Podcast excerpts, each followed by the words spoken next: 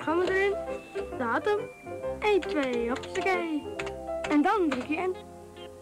Nou, hij doet dus niks, meneer de computerexpert. Dan moet je IBM bellen. Of je stopt de stekker erin.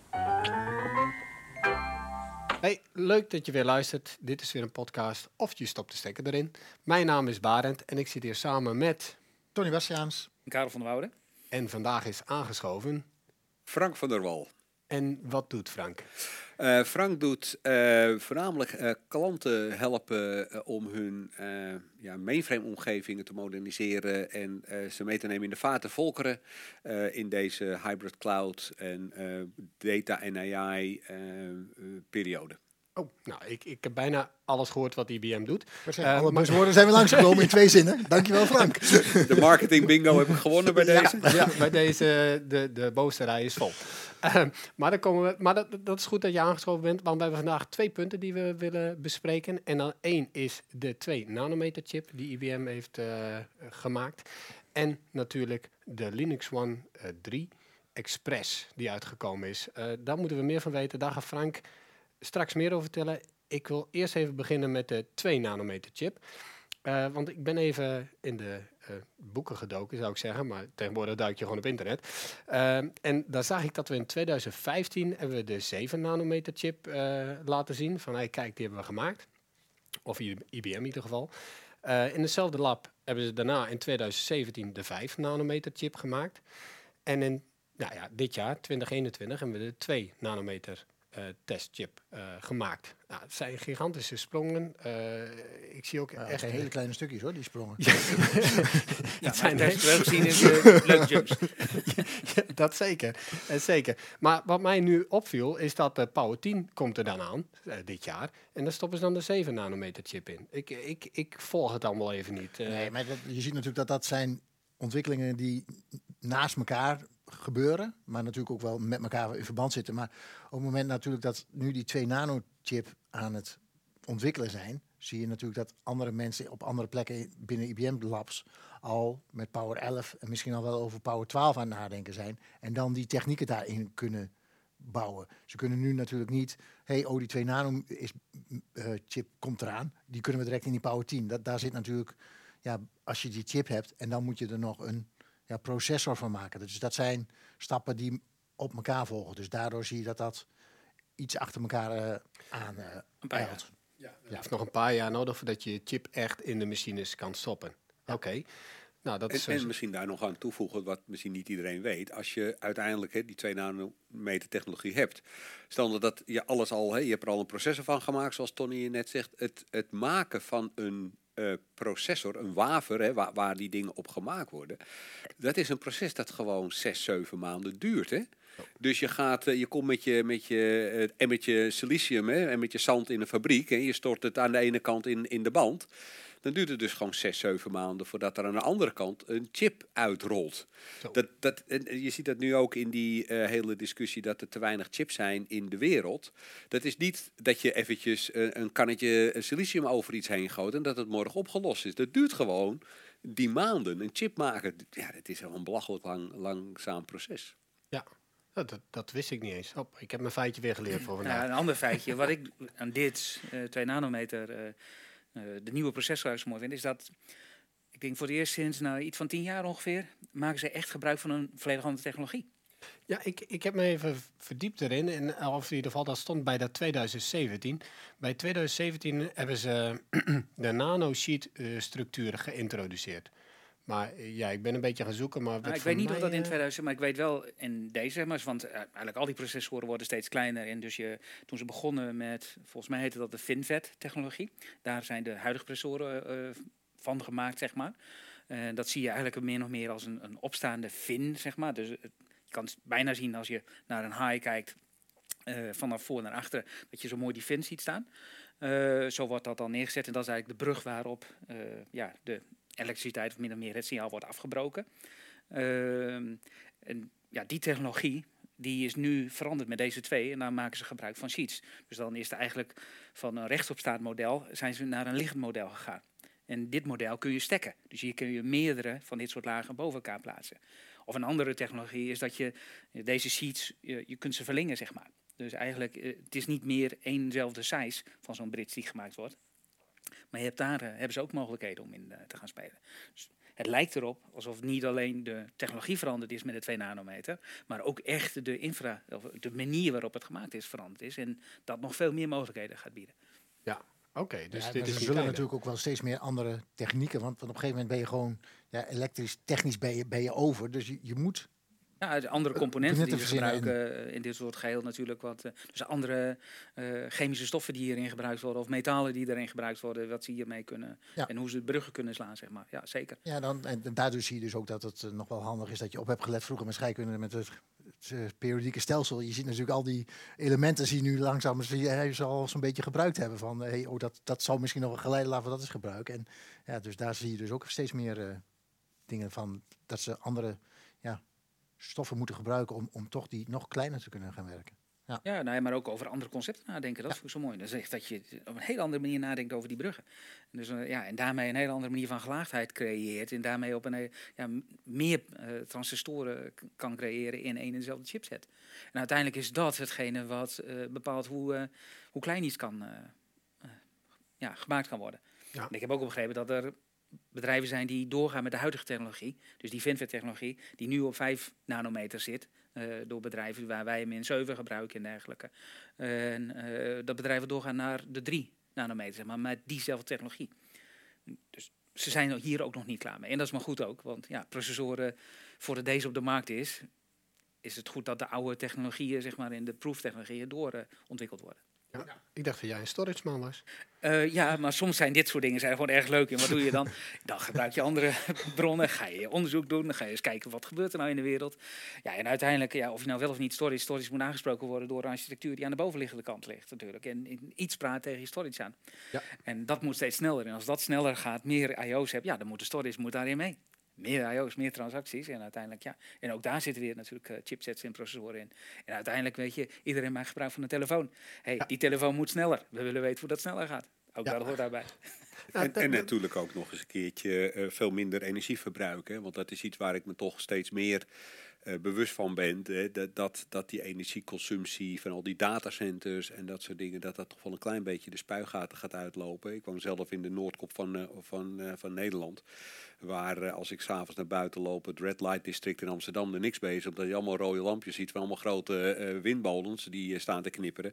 Terwijl de lokale bevolking eh, daar wel eh, daar eigenlijk geen, geen milliwatt van uit weet te halen. Omdat het allemaal opgesoupeerd is door de Googles en, ehm, en de Microsoft datacenters. En dit soort technologieën kan eh, gewoon ook een, een, een chip 40% zuiniger maken. Dus dat, eh, en dat vinden we allemaal fijn als het in, een, eh, in ons telefoontje zit. dat je er een paar dagen mee kan doen zonder dat je hem oplaadt. Maar ook voor datacenter op de grotere schaal vind ik het ook wel eh, interessant dat dit soort dingen er, er zijn. Ik vind het toch raar, hè? Je, je maakt natuurlijk die chip, die maak je stuk kleiner. Maar je gaat stekken, dus daar wordt verticaal ga je, hem- ga je, ga je hem stekken. Dus ja, er komt meer in. Maar toch, net wat je zegt, wordt hij een stuk zuiniger. Ja, en dat, dat heeft te maken met de, met de scaling. Hè. De, voor elektronen is het natuurlijk toch nog wel steeds een heel eind om van transistor A naar transistor B te komen. Als, die, als je die kleiner maakt, hoeft die minder eh, weg af te leggen. En een weg afleggen, zeker tegen die hogere frequenties, eh, gaat gepaard met een enorme hoeveelheid verlies. Eh, en, en als je dat kleiner kan maken, kan je dat efficiënter, eh, efficiënter maken. Hè? Want ook, eh, en jij hebt minder elektronen nodig om te schakelen, ook dat is. En ook een elektron schakelen, in een andere stand krijgen, elektronen, ja, dat kost uiteindelijk allemaal energie. Zeker tegen die hoge frequenties. Dus het is, het is een grappig eh, eh, fenomeen eh, als je ziet wat er kan. Het is wel heel erg knap. En ik vind ook als IBM'er dat ik daar echt trots op kan zijn.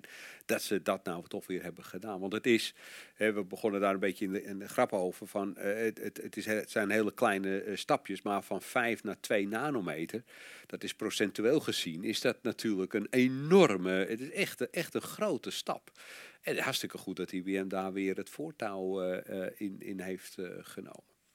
Ja, ik En- vind het leuk als je de- hoe klein het dan is. En Want dat is, ja, wat is nou 2 nanometer? Eh, en wat is 5 nanometer? En dan denk ik, ja, pak ze eigenlijk een beetje mijn verleden erbij. Dus genetica eh gebruikt ze bij, de DNA-moleculen. 5 nanometer zijn twee DNA-moleculen, zeggen ze dan. En 2 nanometer is, is kleiner dan een DNA-molecuul. Ja. Ja. Ja, dat is echt waanzinnig klein. dat Als is je verdomd. daar- daarover spreekt, dat is gewoon echt heel mooi. Dus Ja. wat ze daarin doen. Ja. Ja, en dat ze er dus 50 miljard eh, eh, van die transistoren dan op één stukje vingernagel kan doen, weet je. En eh, ik, ik, dat, dat, dat zijn er een heleboel, weet je. Ik ben stoppen, stopwezen tellen, maar het, het zijn er een heleboel. En dat is toch hartstikke knap dat we dat kunnen. Ja, ze hebben wel een, ze hebben wel een discussie over welke vingernagel dit is. Hè? Dus, dat Ja, werd, dat- in, een, in een van de dingen die ik zag, werd ook de vingernagel van Arvind werd daar gebruikt. Zeg maar, Er werd ook duidelijk op ingezoomd van, is dat nou de vingernagel waar we het over hebben? Is dat nou de size? Dus, ja. en, en een ander ding wat, wat we misschien als Nederlander ook trots maken, is dat IBM natuurlijk dat ding kan ontwikkelen totdat, eh, totdat ze een ons wegen. Maar uiteindelijk moet het massa geproduceerd worden, wat Tony al net zei. Er moeten echt processoren van gemaakt worden. En er is natuurlijk maar één bedrijf die die steppermachines kan maken. En dat is ons eigen ASML. Eh, dat is natuurlijk Ja, dat toch ook Nederlands alweer. eh, ja, daar moet Nederlands verdomd trots op zijn. Hè, dat eh whatever, eh, wie dan ook in, in zijn lab in elkaar weet te schroeven en te knutselen. Het moet wel massa geproduceerd worden. En dat is ASML. Dat is ook wel leuk. En, en dan nog even een brug van, van, van die hele kleine techniek naar jouw expertise, mainframe te maken. Gaan we dan straks ook halve rex mainframes krijgen, omdat we van die kleine chipjes krijgen? Of, of is dat nou weer een hele rare brug? Eh, nee, maar nou ja, dat, dat is wel een leuke, een leuke brug, eh, eh, Tony. Kijk, we zijn met de mainframe processoren op dit moment zitten we nog zeker niet op, op eh, 2 of op 5 of op 7 nanometer. We, de- die, die lifecycles van een mainframe processor zijn wat langer. Uiteraard, de, we krijgen ook een nieuwe mainframe processor begin van volgend jaar. Ehm, en dat zal ook nog geen 2 nanometer zijn, maar 7 nanometer.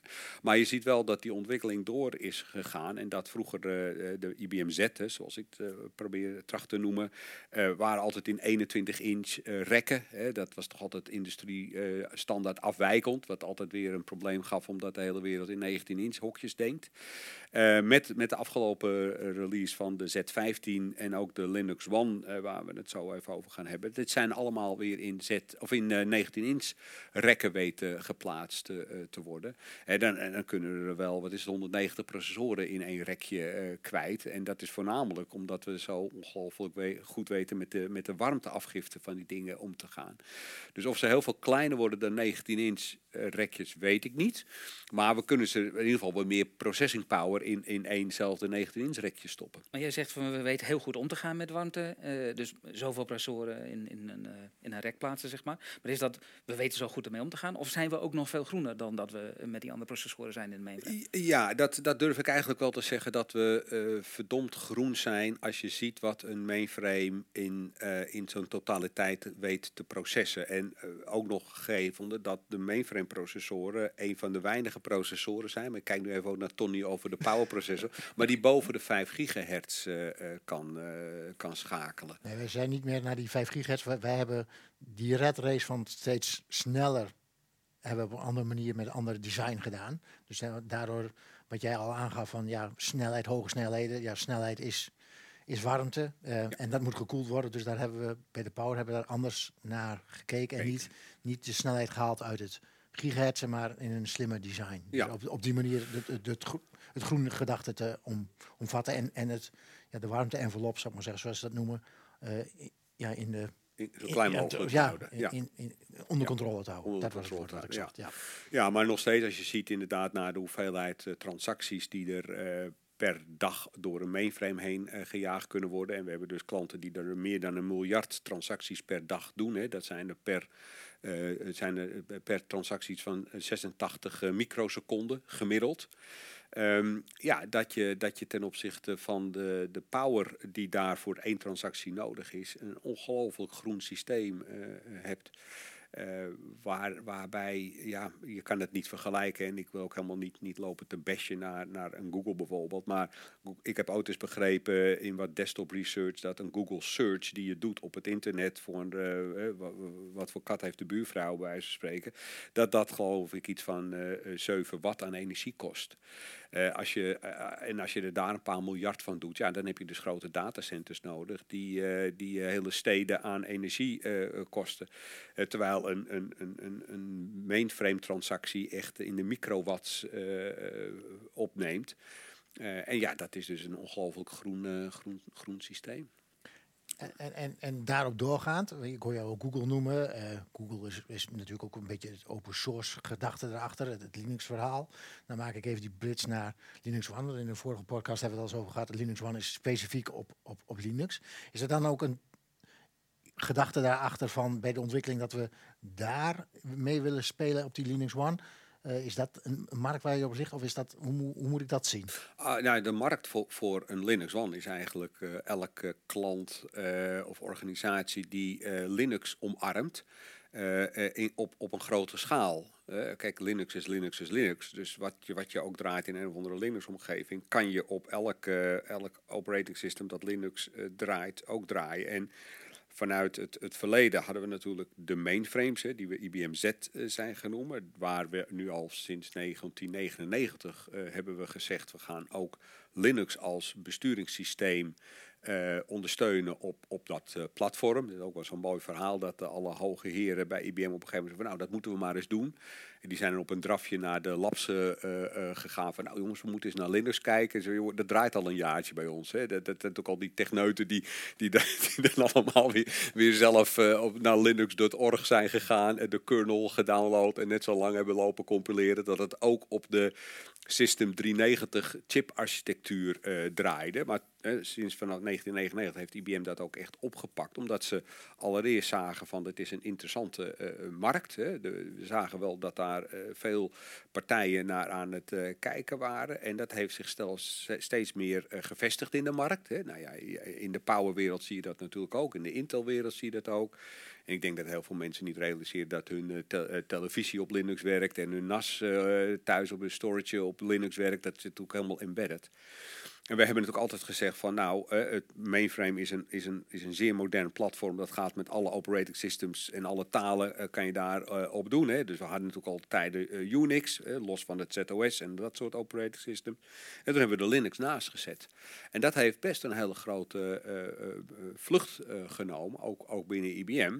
Totdat er klanten begonnen te zeggen van ja, we willen toch Linux wel apart zien en niet zozeer vermengen met eh, een systeem wat ook ZOS eh, draait.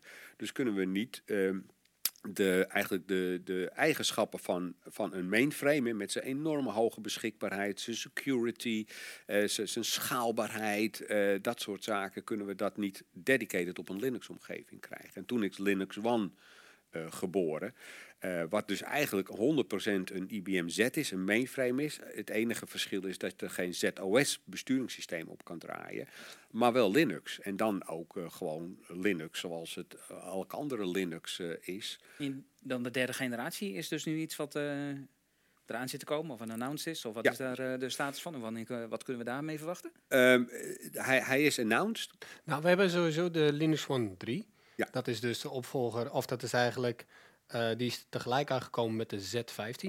Oké. Dus we hebben de Z15 en de Linux One 3. Eh, als je de kast ziet staan en je bent kleurenblind, dan zie je hetzelfde. Want het is alleen een ander kleurtje. Voor de rest is de kast Blauw bijna groen toch, of hetzelfde. niet? nee, de Z15 is blauw en de Linux One is oranje. Oranje. Ja, want EK komt eraan, hè. Dus eh, ja, ik weet niet, die link heb ik maar gemaakt. Maar het voordeel van, eh, of de Linux One, die zijn gewoon in, eh, en, net zoals de Z15, die kun je in bepaalde configuraties kun je die bestellen. Ehm, en net zoals de Z15, die kan je in 1K's, 2K's en 3K's of 4K's bestellen. En zo heb je ook de Linux One. Ehm, maar als je die gaat bestellen, moet die speciaal voor jou geconfigureerd en getest worden. En wat ze nu gedaan hebben, is volgens mij hebben ze nu de Linux One 3 Express hebben ze gemaakt. En volgens mij kun je die zo van de plank aftrekken. Ja, dat is helemaal waar, Barend. Kijk, een mainframe eh, configureren, dat, dat geeft nog af en toe wel wat dingetjes, omdat het niet een, een, een, een standaard eh, configuratie is. Hè? Omdat klanten nou eenmaal precies willen, een fine willen tunen. Wat soms nog wel eens wat, wat hoofdbrekers gaf, zeker in de open source wereld, waar Tony het net over had. Daar wil je gewoon, ja, je wil gewoon een systeem hebben en, en je stopt de stekker erin hè? En, en, en hij doet het. Eh, en, en dan wil je nog wel eens eh, eh, bij de configuratie van een traditioneel Linux One wel denken aan, aan alle channels en alle, alle snoertjes en, en kabeltjes. En de Linux One Express is gewoon, je, je koopt hem en je krijgt hem en hij werkt gewoon. En dat is, is met name in de doorlooptijden die korter en korter moeten worden, is dat gewoon veel sneller. En, en je weet zeker dat hij het doet. Je hoeft niks meer aan kabeltjes en en toestanden te configureren. Eh, je bestelt hem en, en hij komt binnen, je zet hem aan en hij doet het. Powerkabel erin, ethernetkabel erin. En gaan. Ja, het liefst twee voor de eh, dualiteit. Maar En, en hebben we nog aan gedacht om het anders te doen noemen dan Linux One 3? Dat we er geen 13 van hebben? Of is daar niet, is, of hebben we dat ex- expliciet die, die drie met drie streepjes gedaan? Is dat, dat expliciet daarom gedaan? Of eh, Eh, hebben we zover bij marketing niet? Nee, nee, nee, nee. Maar wat, wat we wel heel goed willen. Kijk, binnen IBM weten we dat de Linux One eigenlijk gewoon een mainframe is, alleen voor Linux. Maar de branding vanuit de Linux One hebben we gewoon gezegd: we willen het niet meer een mainframe noemen, omdat dat toch een beetje een gekke naam is, een beetje een ouderwetse naam is. Daarom hebben we het heel duidelijk gewoon een Linux One als een. En ja, dat dat dit nou de, de derde generatie is, ja, dan, dan, dan heet hij opeens drie. Ja, Voilà. ik, ik denk dat dat het... Maar dat zullen wij binnen IBM waarschijnlijk nooit begrijpen. Hoe precies de branding names worden gemaakt. Dat blijft voor ons ook een verrassing. Maar daarvoor zitten we hier ook aan de tafel. Want dan kunnen we er weer over praten. Maar als we dan een, we en we hebben al gezegd, we wilden weetjes. eh, hoeveel Linux-partities kan je draaien op zo'n machine? Enig idee? Nou, als, we als we praten over de Linux One Express, dat is natuurlijk ook, eh, om daar even op terug eh, te komen, eh, is ook een soort van instapmodel. Dus een beetje zoals Frank hem al besproken heeft, een hele mooie, de- dezelfde hardware, maar met niet zo heel veel chips. Of IFL's, zoals we dat in de, in de IBM-Z-wereld noemen. Eh, maar, ook, maar wel wat meer memory. Dus ook alle nieuwe bedrijven die opkomen, of door de pandemie, dat de mensen in één keer heel veel meer capaciteit nodig hebben, kan een Linux One 3 Express juist een heel mooi instapmodel zijn voor jou. Eh, en als we kijken hoeveel Linux One partities je daarop kan draaien, nou, dat zijn er heel veel. Ik, ik heb wel eens begrepen dat we iets van rond de 60.000 partities eh, zouden kunnen hebben op één Eén bak. op één bak. Of dat nou iets wat je wil, dat moet je nog even vragen. Maar, maar de, je ziet daarin dat de eh, eigenlijk eh, scha- eh, lineaire schaalbaarheid van eh, het ontwerp van een mainframe daar eh, na, na, na- naartoe komt. Ehm, en dan moet je hem natuurlijk wel helemaal volzetten met die 190 processoren bij wijze van spreken. En de hoeveel terabyte er aan geheugen in kan. Maar dat kan niet aan. Maar ook zeker in de containerwereld. hè, Je kan dus eh 2, 3 miljoen containers op één, op, in één Linux One zetten. Hè, en, dan natuurlijk, Draaien, en, ja. en draaien. En dat systeem geeft geen krimp tegen een lage eh, eh, consumptie van energie en, en zo. Hè. Dus het is wel een hele, eh, eh, ook daar lopen we. We zijn begonnen met het allerkleinste, met die 2 nanometer technologie. Misschien is het dan ook wel leuk om af te sluiten met dat soort getallen, dat je dat gewoon op één 19 inch rekje allemaal kan draaien. En dat we dat toch wel zien als een van de grotere eh, eh, eh, oplossingen die we daar eh, met die technologie kunnen bewerkstelligen. Ja. En het mooi om hier nog op aan te haken, het is net zoals de powermachine, zijn die machines gemaakt om op 99% te draaien. En niet zoals eh, bijvoorbeeld VMware hebben draaien met allemaal Linux erop op een x86 99 watt. eh, procent eh, CPU. de CPU. Gewoon, ah, dan draait hij nog steeds gewoon... eh, ja, eh, ik, ik snap je. Maar eh 99% bezetting, om het zo maar te zeggen. Dus eh, vaak als je je, je, VMware'tje al hebt draaien en je gebruikt meer dan 60%, dan zie je dat eh, je hele performance overal een beetje inzakt, omdat die processors overbelast Ik zie dat meestal op mijn laptop. Als ik dan eh Ja. die Nou, nee, nee, hey, niks doet het meer. En, en daar is de, de, de, de Linux One en, de- en natuurlijk die BMZ is daar gewoon, een, eh, ja, gewoon eh, heel goed in om dat eh, apart eh, af te schalen. Maar misschien dat we daar ook nog eens een keer een extra sessie over kunnen geven. Want hoe de mainframe, of die BMZ, sorry, eh, omgaat met eh, zijn I.O. naar zijn storage, dus naar Karel toe, eh, dat doet hij ook echt op zijn hele eigen manier. Dus eh, ik denk dat dit nog wel een vervolg krijgt. Graag. Moet je nog een keer aan. eh, Ja, dat enkel eh, probleem. nodig je graag nog een keer uit. Eh, ja, dit, dit was weer onze podcast. Of je stopt de stekker erin. Eh, bij de mainframe gaat hij er nooit uit, maar bij ons trekken we de stekker er wel eventjes uit. Tot de volgende keer. dankjewel. Dankjewel.